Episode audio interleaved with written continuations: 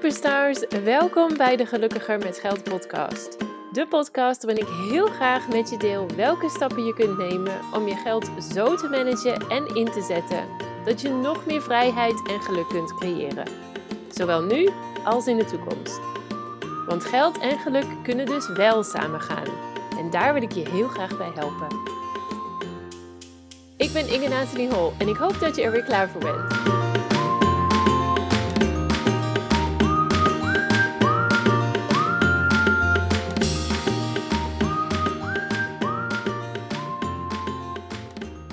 Hoi en leuk dat je weer luistert naar deze aflevering van de Gelukkiger met Geld podcast, aflevering 45. En ik ga het hebben over een onderwerp waar ik het heel erg veel over heb. Ik denk ook wel in deze podcast, maar ik heb even door mijn uh, vorige afleveringen gekeken en volgens mij staat deze er niet tussen.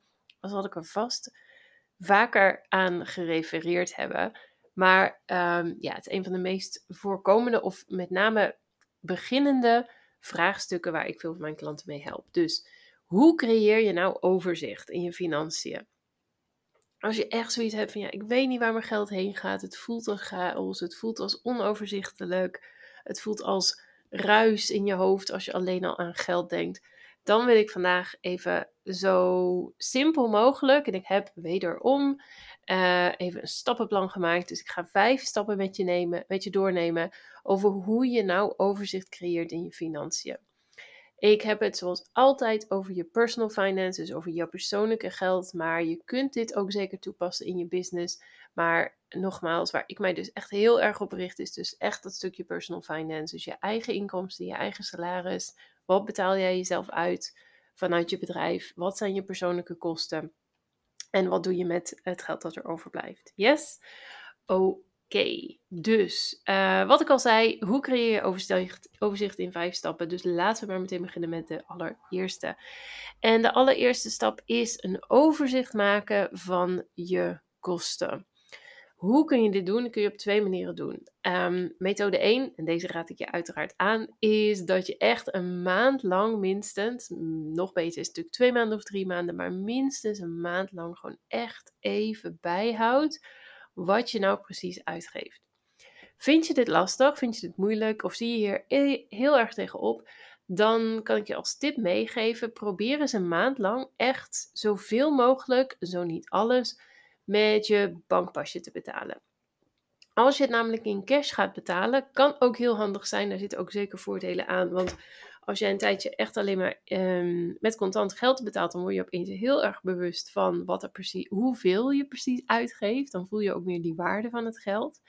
Maar als je nou echt bezig bent met het stukje overzicht creëren en een, een overzicht maken van wat er allemaal uitgaat, dan kan ik je echt aanraden even een maand lang jezelf zoveel mogelijk te trainen om met een bankpasje te betalen. Omdat dat gewoon veel makkelijker uh, terug te zoeken is. Als jij in cash betaalt, je koffietje hier, lunch daar en nou ja, weet ik, de kapper, uh, nou misschien niet de kapper, maar ik noem het maar even als voorbeeld, dan is dat veel lastiger bij te houden. Want dan moet je echt je monnetjes bewaren of het gewoon meteen doen op het moment dat jij um, het geld uitgeeft. En uit ervaring weet ik dat dat gewoon een stuk lastiger is. Dus probeer dat gewoon een maand lang met je bankpasje alles te betalen. Um, uiteraard zijn automatische afschrijvingen, zoals bijvoorbeeld hypotheek of je huur, gas, water, licht, dat is ook helemaal prima, want die kun je ook gewoon makkelijk in jouw bankomgeving zien. Dus daar gaat het met name om, dat je het gewoon makkelijk kunt terugvinden. Um, hier zeg ik even bij, doe dit zo consistent mogelijk. En met consistent bedoel ik dus niet aan het einde van de maand even een maand terugwerken. Want je zult zien dat er best wel een aantal dingen van je bank zijn afgeschreven dan die nog moeilijk te identificeren zijn. En omdat het bedrijf een rare naam gebruikt of je kan het je niet meer herinneren wat het nou precies was. Dus doe het echt consistent. Probeer het zoveel mogelijk dagelijks te doen. Als je dat wat veel vindt, doe het minstens twee keer per week. Dat je echt dus even een overzichtje maakt van wat gaat er precies uit. Oké? Nou, Um, nu zeg ik er ook meteen bij dat er over het algemeen, over, over het algemeen is het handig om in drie categorieën qua kosten te denken. Veel al als mensen hun kosten op een rijtje gaan zetten, dan doen ze dat per thema. Dus dan mag je denken aan autokosten en huiskosten en uh, misschien kosten voor uh, de kinderen, de huisdieren, dat soort dingen. Maar vaak schieten er dan toch ontzettend veel kosten bij in waar je dan niet aan denkt. Het is handiger om drie categorieën te gebruiken die niet per thema gaan, maar per hoe en wanneer deze georganiseerd zijn. Die drie soorten kosten zijn dan in de eerste plaats vaste lasten. En hier mag je aan al je kosten denken die standaard op een vast moment van de maand worden afgeschreven. Deze kosten hebben vaak een vast bedrag en zo niet, dan is het vaak een voorspelbaar bedrag. Dus denk hiervoor aan uh, je gaswaterlicht. Je weet precies dat die de 15e worden afgeschreven of de 20e van de maand. En je weet ook precies hoeveel het gaat zijn. Of als het een variabele kosten is, misschien uh, voor je elektriciteit bijvoorbeeld, dan weet je wel ongeveer hoeveel het gaat zijn. Dus dat zijn je vaste lasten. Dit kan ook bijvoorbeeld bepaalde memberships zijn. Denk bijvoorbeeld aan lidmaatschap van de sportschool. Uh, of nou ja, al die dingen die je maandelijks gewoon op een vast moment uh, betaalt. In de tweede plaats zijn er flexibele maandelijkse kosten. En dit zijn kosten die je in principe wel maandelijks hebt, maar waarvan je van tevoren niet echt weet hoeveel het gaat zijn deze maand en wanneer die uh, rekening of wanneer die betaalt, laten we het zo zeggen.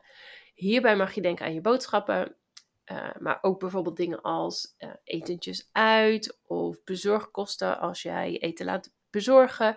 Al dat soort dingen. Want je weet, maandelijks ga ik hier echt wel geld aan uitgeven, maar ik weet niet zoveel hoeveel het gaat worden. Het kan zijn dat ik drie keer naar de supermarkt ga. Het kan ook zijn dat ik zes keer ga. En het kan in totaal 300 euro zijn, maar het kan ook 500 euro zijn, bij wijze van spreken. En als laatste zijn er nog de onregelmatige kosten. En dit zijn de kosten die je niet op maandelijkse basis hebt, maar die over het algemeen wel relatief groot zijn. En dan mag je denken aan kleding die je koopt, vakanties waar je voor betaalt, maar ook bijvoorbeeld jaarlijkse kosten. Denk even aan verzekeringen, aan lidmaatschap van de ANWB, aan de APK-kosten, al dat soort dingen die je meestal één keer per jaar of misschien één keer per twee jaar betaalt. En die over het algemeen mogelijk lastiger te onthouden zijn, omdat er best wel veel van zijn, maar die over het algemeen wel een groter kostenplaatje hebben. Um, heb je huisdieren, dan mag je ook denken aan bijvoorbeeld bezoekjes aan de dierenarts of inentingen die, uh, die ze nodig hebben.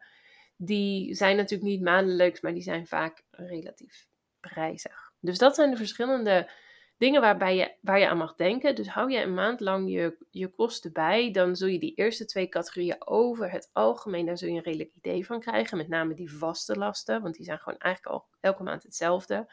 Die flexibele kosten, daar krijg je ook een redelijk idee van als je het één maand bijhoudt, maar hou je het dus twee of drie maanden bij, dan is dat dus nog beter.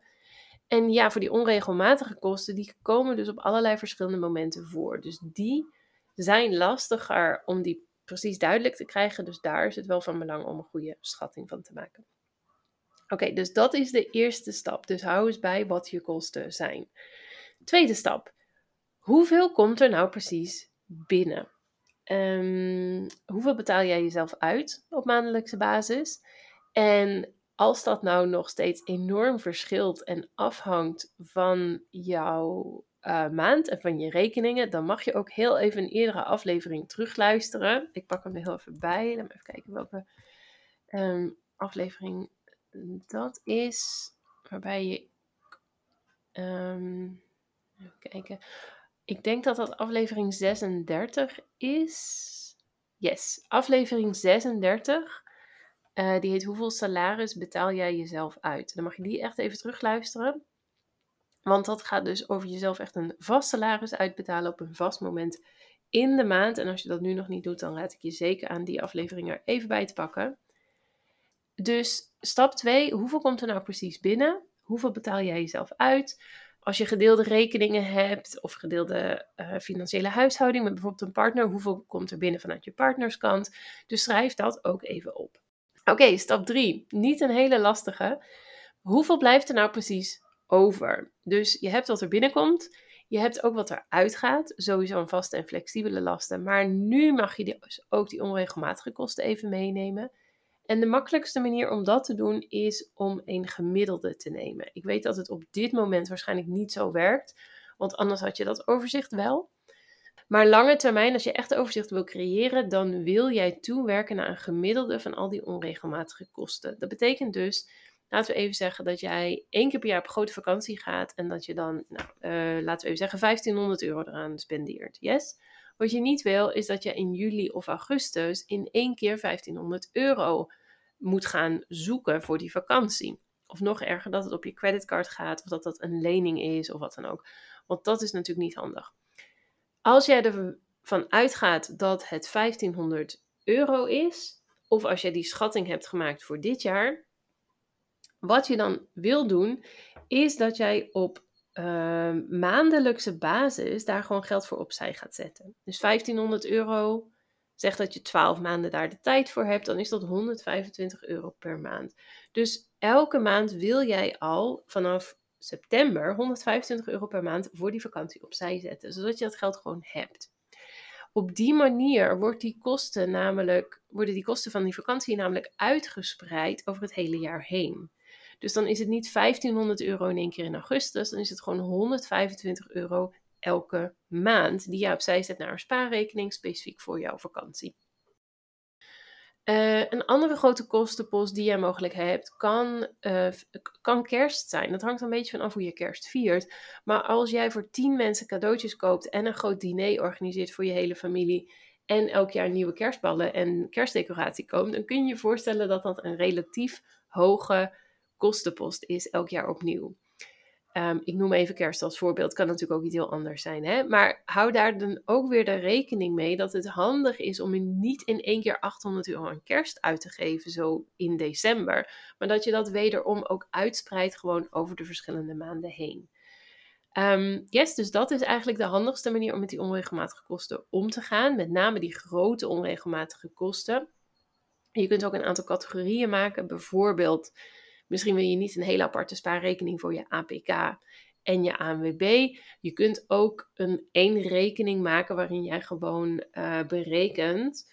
Ik heb elk jaar ongeveer zoveel nodig voor mijn membership, zoals bijvoorbeeld lidmaatschap van de ANWB, of inderdaad kosten van de auto, zoals de APK en de grote beurt en uh, laten we zeggen nieuwe banden bijvoorbeeld. Weet je, dus dan kun je daar ook gewoon als categorie geld voor opzij zetten. Dus op die manier spreid je dus die kosten helemaal uit per maand. Dus in stap 3, waar we kijken naar hoeveel blijft er over, gebaseerd op die uh, schatting die je hebt gemaakt over die onregelmatige kosten, als je die in zijn totaliteit, dus al die onregelmatige kosten bij elkaar neemt en dat dan deelt door 12, dan mag je die dus bij je vaste en je flexibele lasten optellen. En dat zijn dus dan je maandelijkse kosten. En die haal je dus af van het bedrag dat je in stap 2 hebt berekend. Dat is namelijk hoeveel komt er maandelijks binnen. Yes? Ehm, ik hoop dat je me nog volgt. Zo niet, stuur me dan even een berichtje op Instagram en dan help ik je hier even mee. Uh, je kunt me vinden onder gelukkiger.met.geld. Oké, dus dat was stap 3. Um, ehm, stap 4. Als je hebt berekend hoeveel geld er binnenkomt en hoeveel er gemiddeld op maandelijkse basis uitgaat en dus hoeveel er overblijft, dat waren dus de vorige drie stappen, dan kun jij nu um, gaan bedenken van dat geld dat er overblijft, hoe kan ik daar meer van maken? Hoe kan ik ervoor zorgen dat er meer geld overblijft? En dat kun je dus op twee dingen doen, manieren doen. Dat kun je door meer inkomen te gaan genereren. Ben je ondernemer, dan kan dat uiteraard door ofwel meer klanten te krijgen, ofwel je prijzen te verhogen bijvoorbeeld, of misschien je kosten binnen je bedrijf te verminderen. Dat kan natuurlijk ook. Dus de eerste optie is om meer inkomen te gaan genereren een andere optie is door je uitgaven te gaan verminderen. En vaak is het zo dat uh, met de ondernemers met wie ik werk in stap 2, nee sorry, in stap 1, waar we dus een overzicht hebben gecreëerd van de verschillende kosten, van al die verschillende uitgaven, dat dat best wel even een reality check is. In de zin van dat ze er dan opeens achter komen, jeetje, geef ik zoveel uit aan um, nou, deze categorie, aan, aan boodschappen of aan naar de kapper gaan of naar, aan vakanties of weekendjes weg bijvoorbeeld. Dus vaak helpt stap 1, dus echt het overzicht creëren, dat helpt al voor een groot deel bij het, het bewustwordingsproces en bij het zorgen van, oh ja, weet je, ik ga hier misschien toch maar wat op minderen. Dus zodra je die eerste stap hebt gezet, waarin je dus echt duidelijk hebt waar gaat mijn geld heen, dan kun je vanuit daar dus ook beslissingen gaan maken en bedenken, ben ik hier blij mee of mag het wel wat minder in bepaalde categorieën. Als jij namelijk je uitgaven omlaag haalt, dan hou je aan het eind van de maand ook meer over. Dus dat is stap 4. Bedenk waar jij dingen kunt gaan veranderen, kunt gaan veranderen zodat er ook meer geld overblijft. En stap 5 is wat ga je dan uiteindelijk doen met het geld dat er overblijft? Komt geld binnen, gaat geld uit. Het geld dat overblijft, wat wil je daarmee doen? En dit is een heel belangrijk onderdeel van het creëren van een overzicht. Want ik ben echt van mening dat overzicht is er niet alleen voor het overzicht zelf. Want ja, dat is wel heel erg leuk, maar je moet daar ook iets mee doen. Het besluiten wat je met je geld gaat doen, het geld dat er dus aan het eind van de maand elke keer overblijft, dat hoort ook echt heel erg bij het overzicht creëren. Want dat geeft jou niet alleen overzicht in wat gebeurt er nu met mijn geld, maar ook waar ga ik heen? Hoe gaat mijn financiële toekomst eruit zien? En of dat nou korte termijn toekomst is, van hoe ga ik mijn vakantie betalen, Ehm, of dat dat nou ook lange termijn overzicht is in de zin van hoe creëer ik uh, meer vermogen? Hoe ga ik ervoor zorgen dat ik over vijf jaar inderdaad uh, een half jaar vrij kan nemen door, om door Europa of door de Verenigde Staten uh, te reizen? Ik noem maar iets. Hè. Of hoe ga ik inderdaad voor mijn pensioen zorgen? Of hoe zorg ik ervoor dat ik mijn kinderen als ze 18 worden of het huis uitgaan of 25 worden een mooie pot met geld meegeef? Al dit soort dingen zijn natuurlijk maar voorbeelden. Uh, kies vooral wat er op jou van toepassing is, maar dit zijn gewoon een aantal manieren waarop jij je geld kunt gebruiken. Dat kan dus zijn door geld opzij te zetten in de vorm van sparen. Je kunt gaan beleggen. Je kunt ook je leningen afbetalen. Denk bijvoorbeeld ook aan je hypotheek. Um, nou, je kunt op heel veel verschillende manieren met geld dat overblijft omgaan. Je kunt het ook gewoon mee gaan uitgeven natuurlijk. Dat kan ook over het algemeen raad ik wel aan om daar een goede balans in te vinden. En niet alleen geld nu uit te geven, maar ook een stukje opzij te zetten voor later tussen aanhalingstekens. En dat later mag je dan zelf invullen wat dat precies voor jou betekent. Oké? Goed, um, wat ik zeg, er zijn heel veel verschillende opties. Dat betekent niet dat je al die opties moet doen. Dat betekent niet dat je zowel je hypotheek versneld moet aflossen, als ook inderdaad moet gaan sparen en beleggen en voor je kinderen op geld opzij moet zetten en weet ik allemaal wat. Je hoeft um, niet al die dingen te doen, maar je mag er wel meer dan één doen. Het hoeft niet zo te zijn dat jij um, heel star je echt maar op één optie richt en alleen maar gaat sparen bijvoorbeeld. Of alleen maar je hypotheek gaat aflossen. Yes? Je mag daar zelf een combinatie in vinden die goed voor jou voelt. En dat betekent ook niet dat je een vast bedrag naar al die verschillende dingen opzij moet zetten. Het kan zijn dat jij, uh, ik zeg even iets heel willekeurigs nu, 200 euro per maand in je pensioen wil steken 50 euro per maand wil gaan beleggen en 100 euro opzij wil zetten voor uh, een nieuwe auto in de toekomst bijvoorbeeld. Dus jij mag ook zelf kiezen welk van deze opties je kiest, waar je nu aan gaat werken en hoeveel geld per optie je daarvoor ook opzij gaat zetten of voor gebruikt. Yes? Dus dat zijn eigenlijk de vijf basisstappen om nou eens echt overzicht te creëren in je geld waar je geld heen gaat, wat je ermee wilt en wat je ook langer termijn ermee kunt gaan doen. Dus ik noem ze nog even heel snel op. Dus in de eerste plaats schrijf op wat je kosten zijn. Stap 2 is schrijf eens op hoeveel er nou binnenkomt. Stap 3, hoeveel blijft er dan over? Dus wat komt er binnen min wat er uitgaat. Stap 4, ga eens naar waar jij dingen kunt veranderen. Dus ofwel meer inkomen kunt genereren, ofwel ervoor kunt zorgen dat je minder uitgaven hebt. En stap 5, wat ga je precies doen met het geld dat er overblijft nadat je al je kosten hebt betaald? Nou, dat waren de vijf stappen die ik met je wilde delen. Ik hoop dat je dit um, heel handig vond, dat je hier ook iets mee gaat doen. Heb je nou vragen of opmerkingen of feedback over? Laat me dat ook vooral weten via Instagram. Vind ik hartstikke leuk.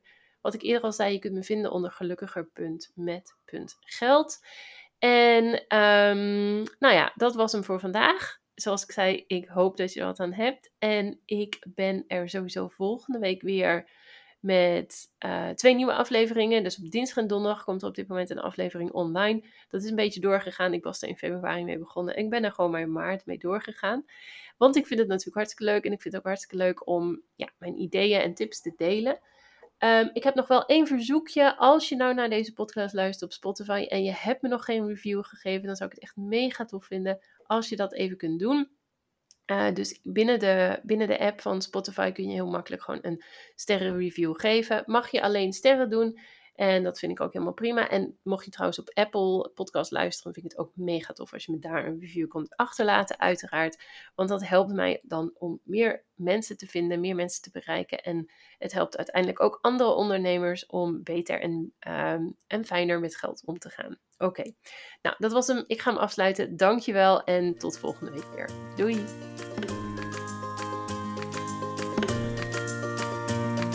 Dankjewel weer voor het luisteren naar deze aflevering van de Gelukkiger met Geld podcast. Ik hoop dat je er heel veel waarde uit hebt kunnen halen. En ik zou het dan ook super leuk vinden als je deze aflevering kunt delen op Instagram. Op die manier kunnen anderen de podcast makkelijker vinden en bovendien help je mij om deze show te laten groeien. Daarnaast vind ik het ook gewoon super gaaf om te zien wie deze podcast luistert en wat je eruit hebt kunnen halen. Dus deel hem op Instagram en taak mij dan met gelukkiger.met.geld. En ik ben er volgende keer weer met een nieuwe aflevering. Ik hoop jij ook. Tot dan!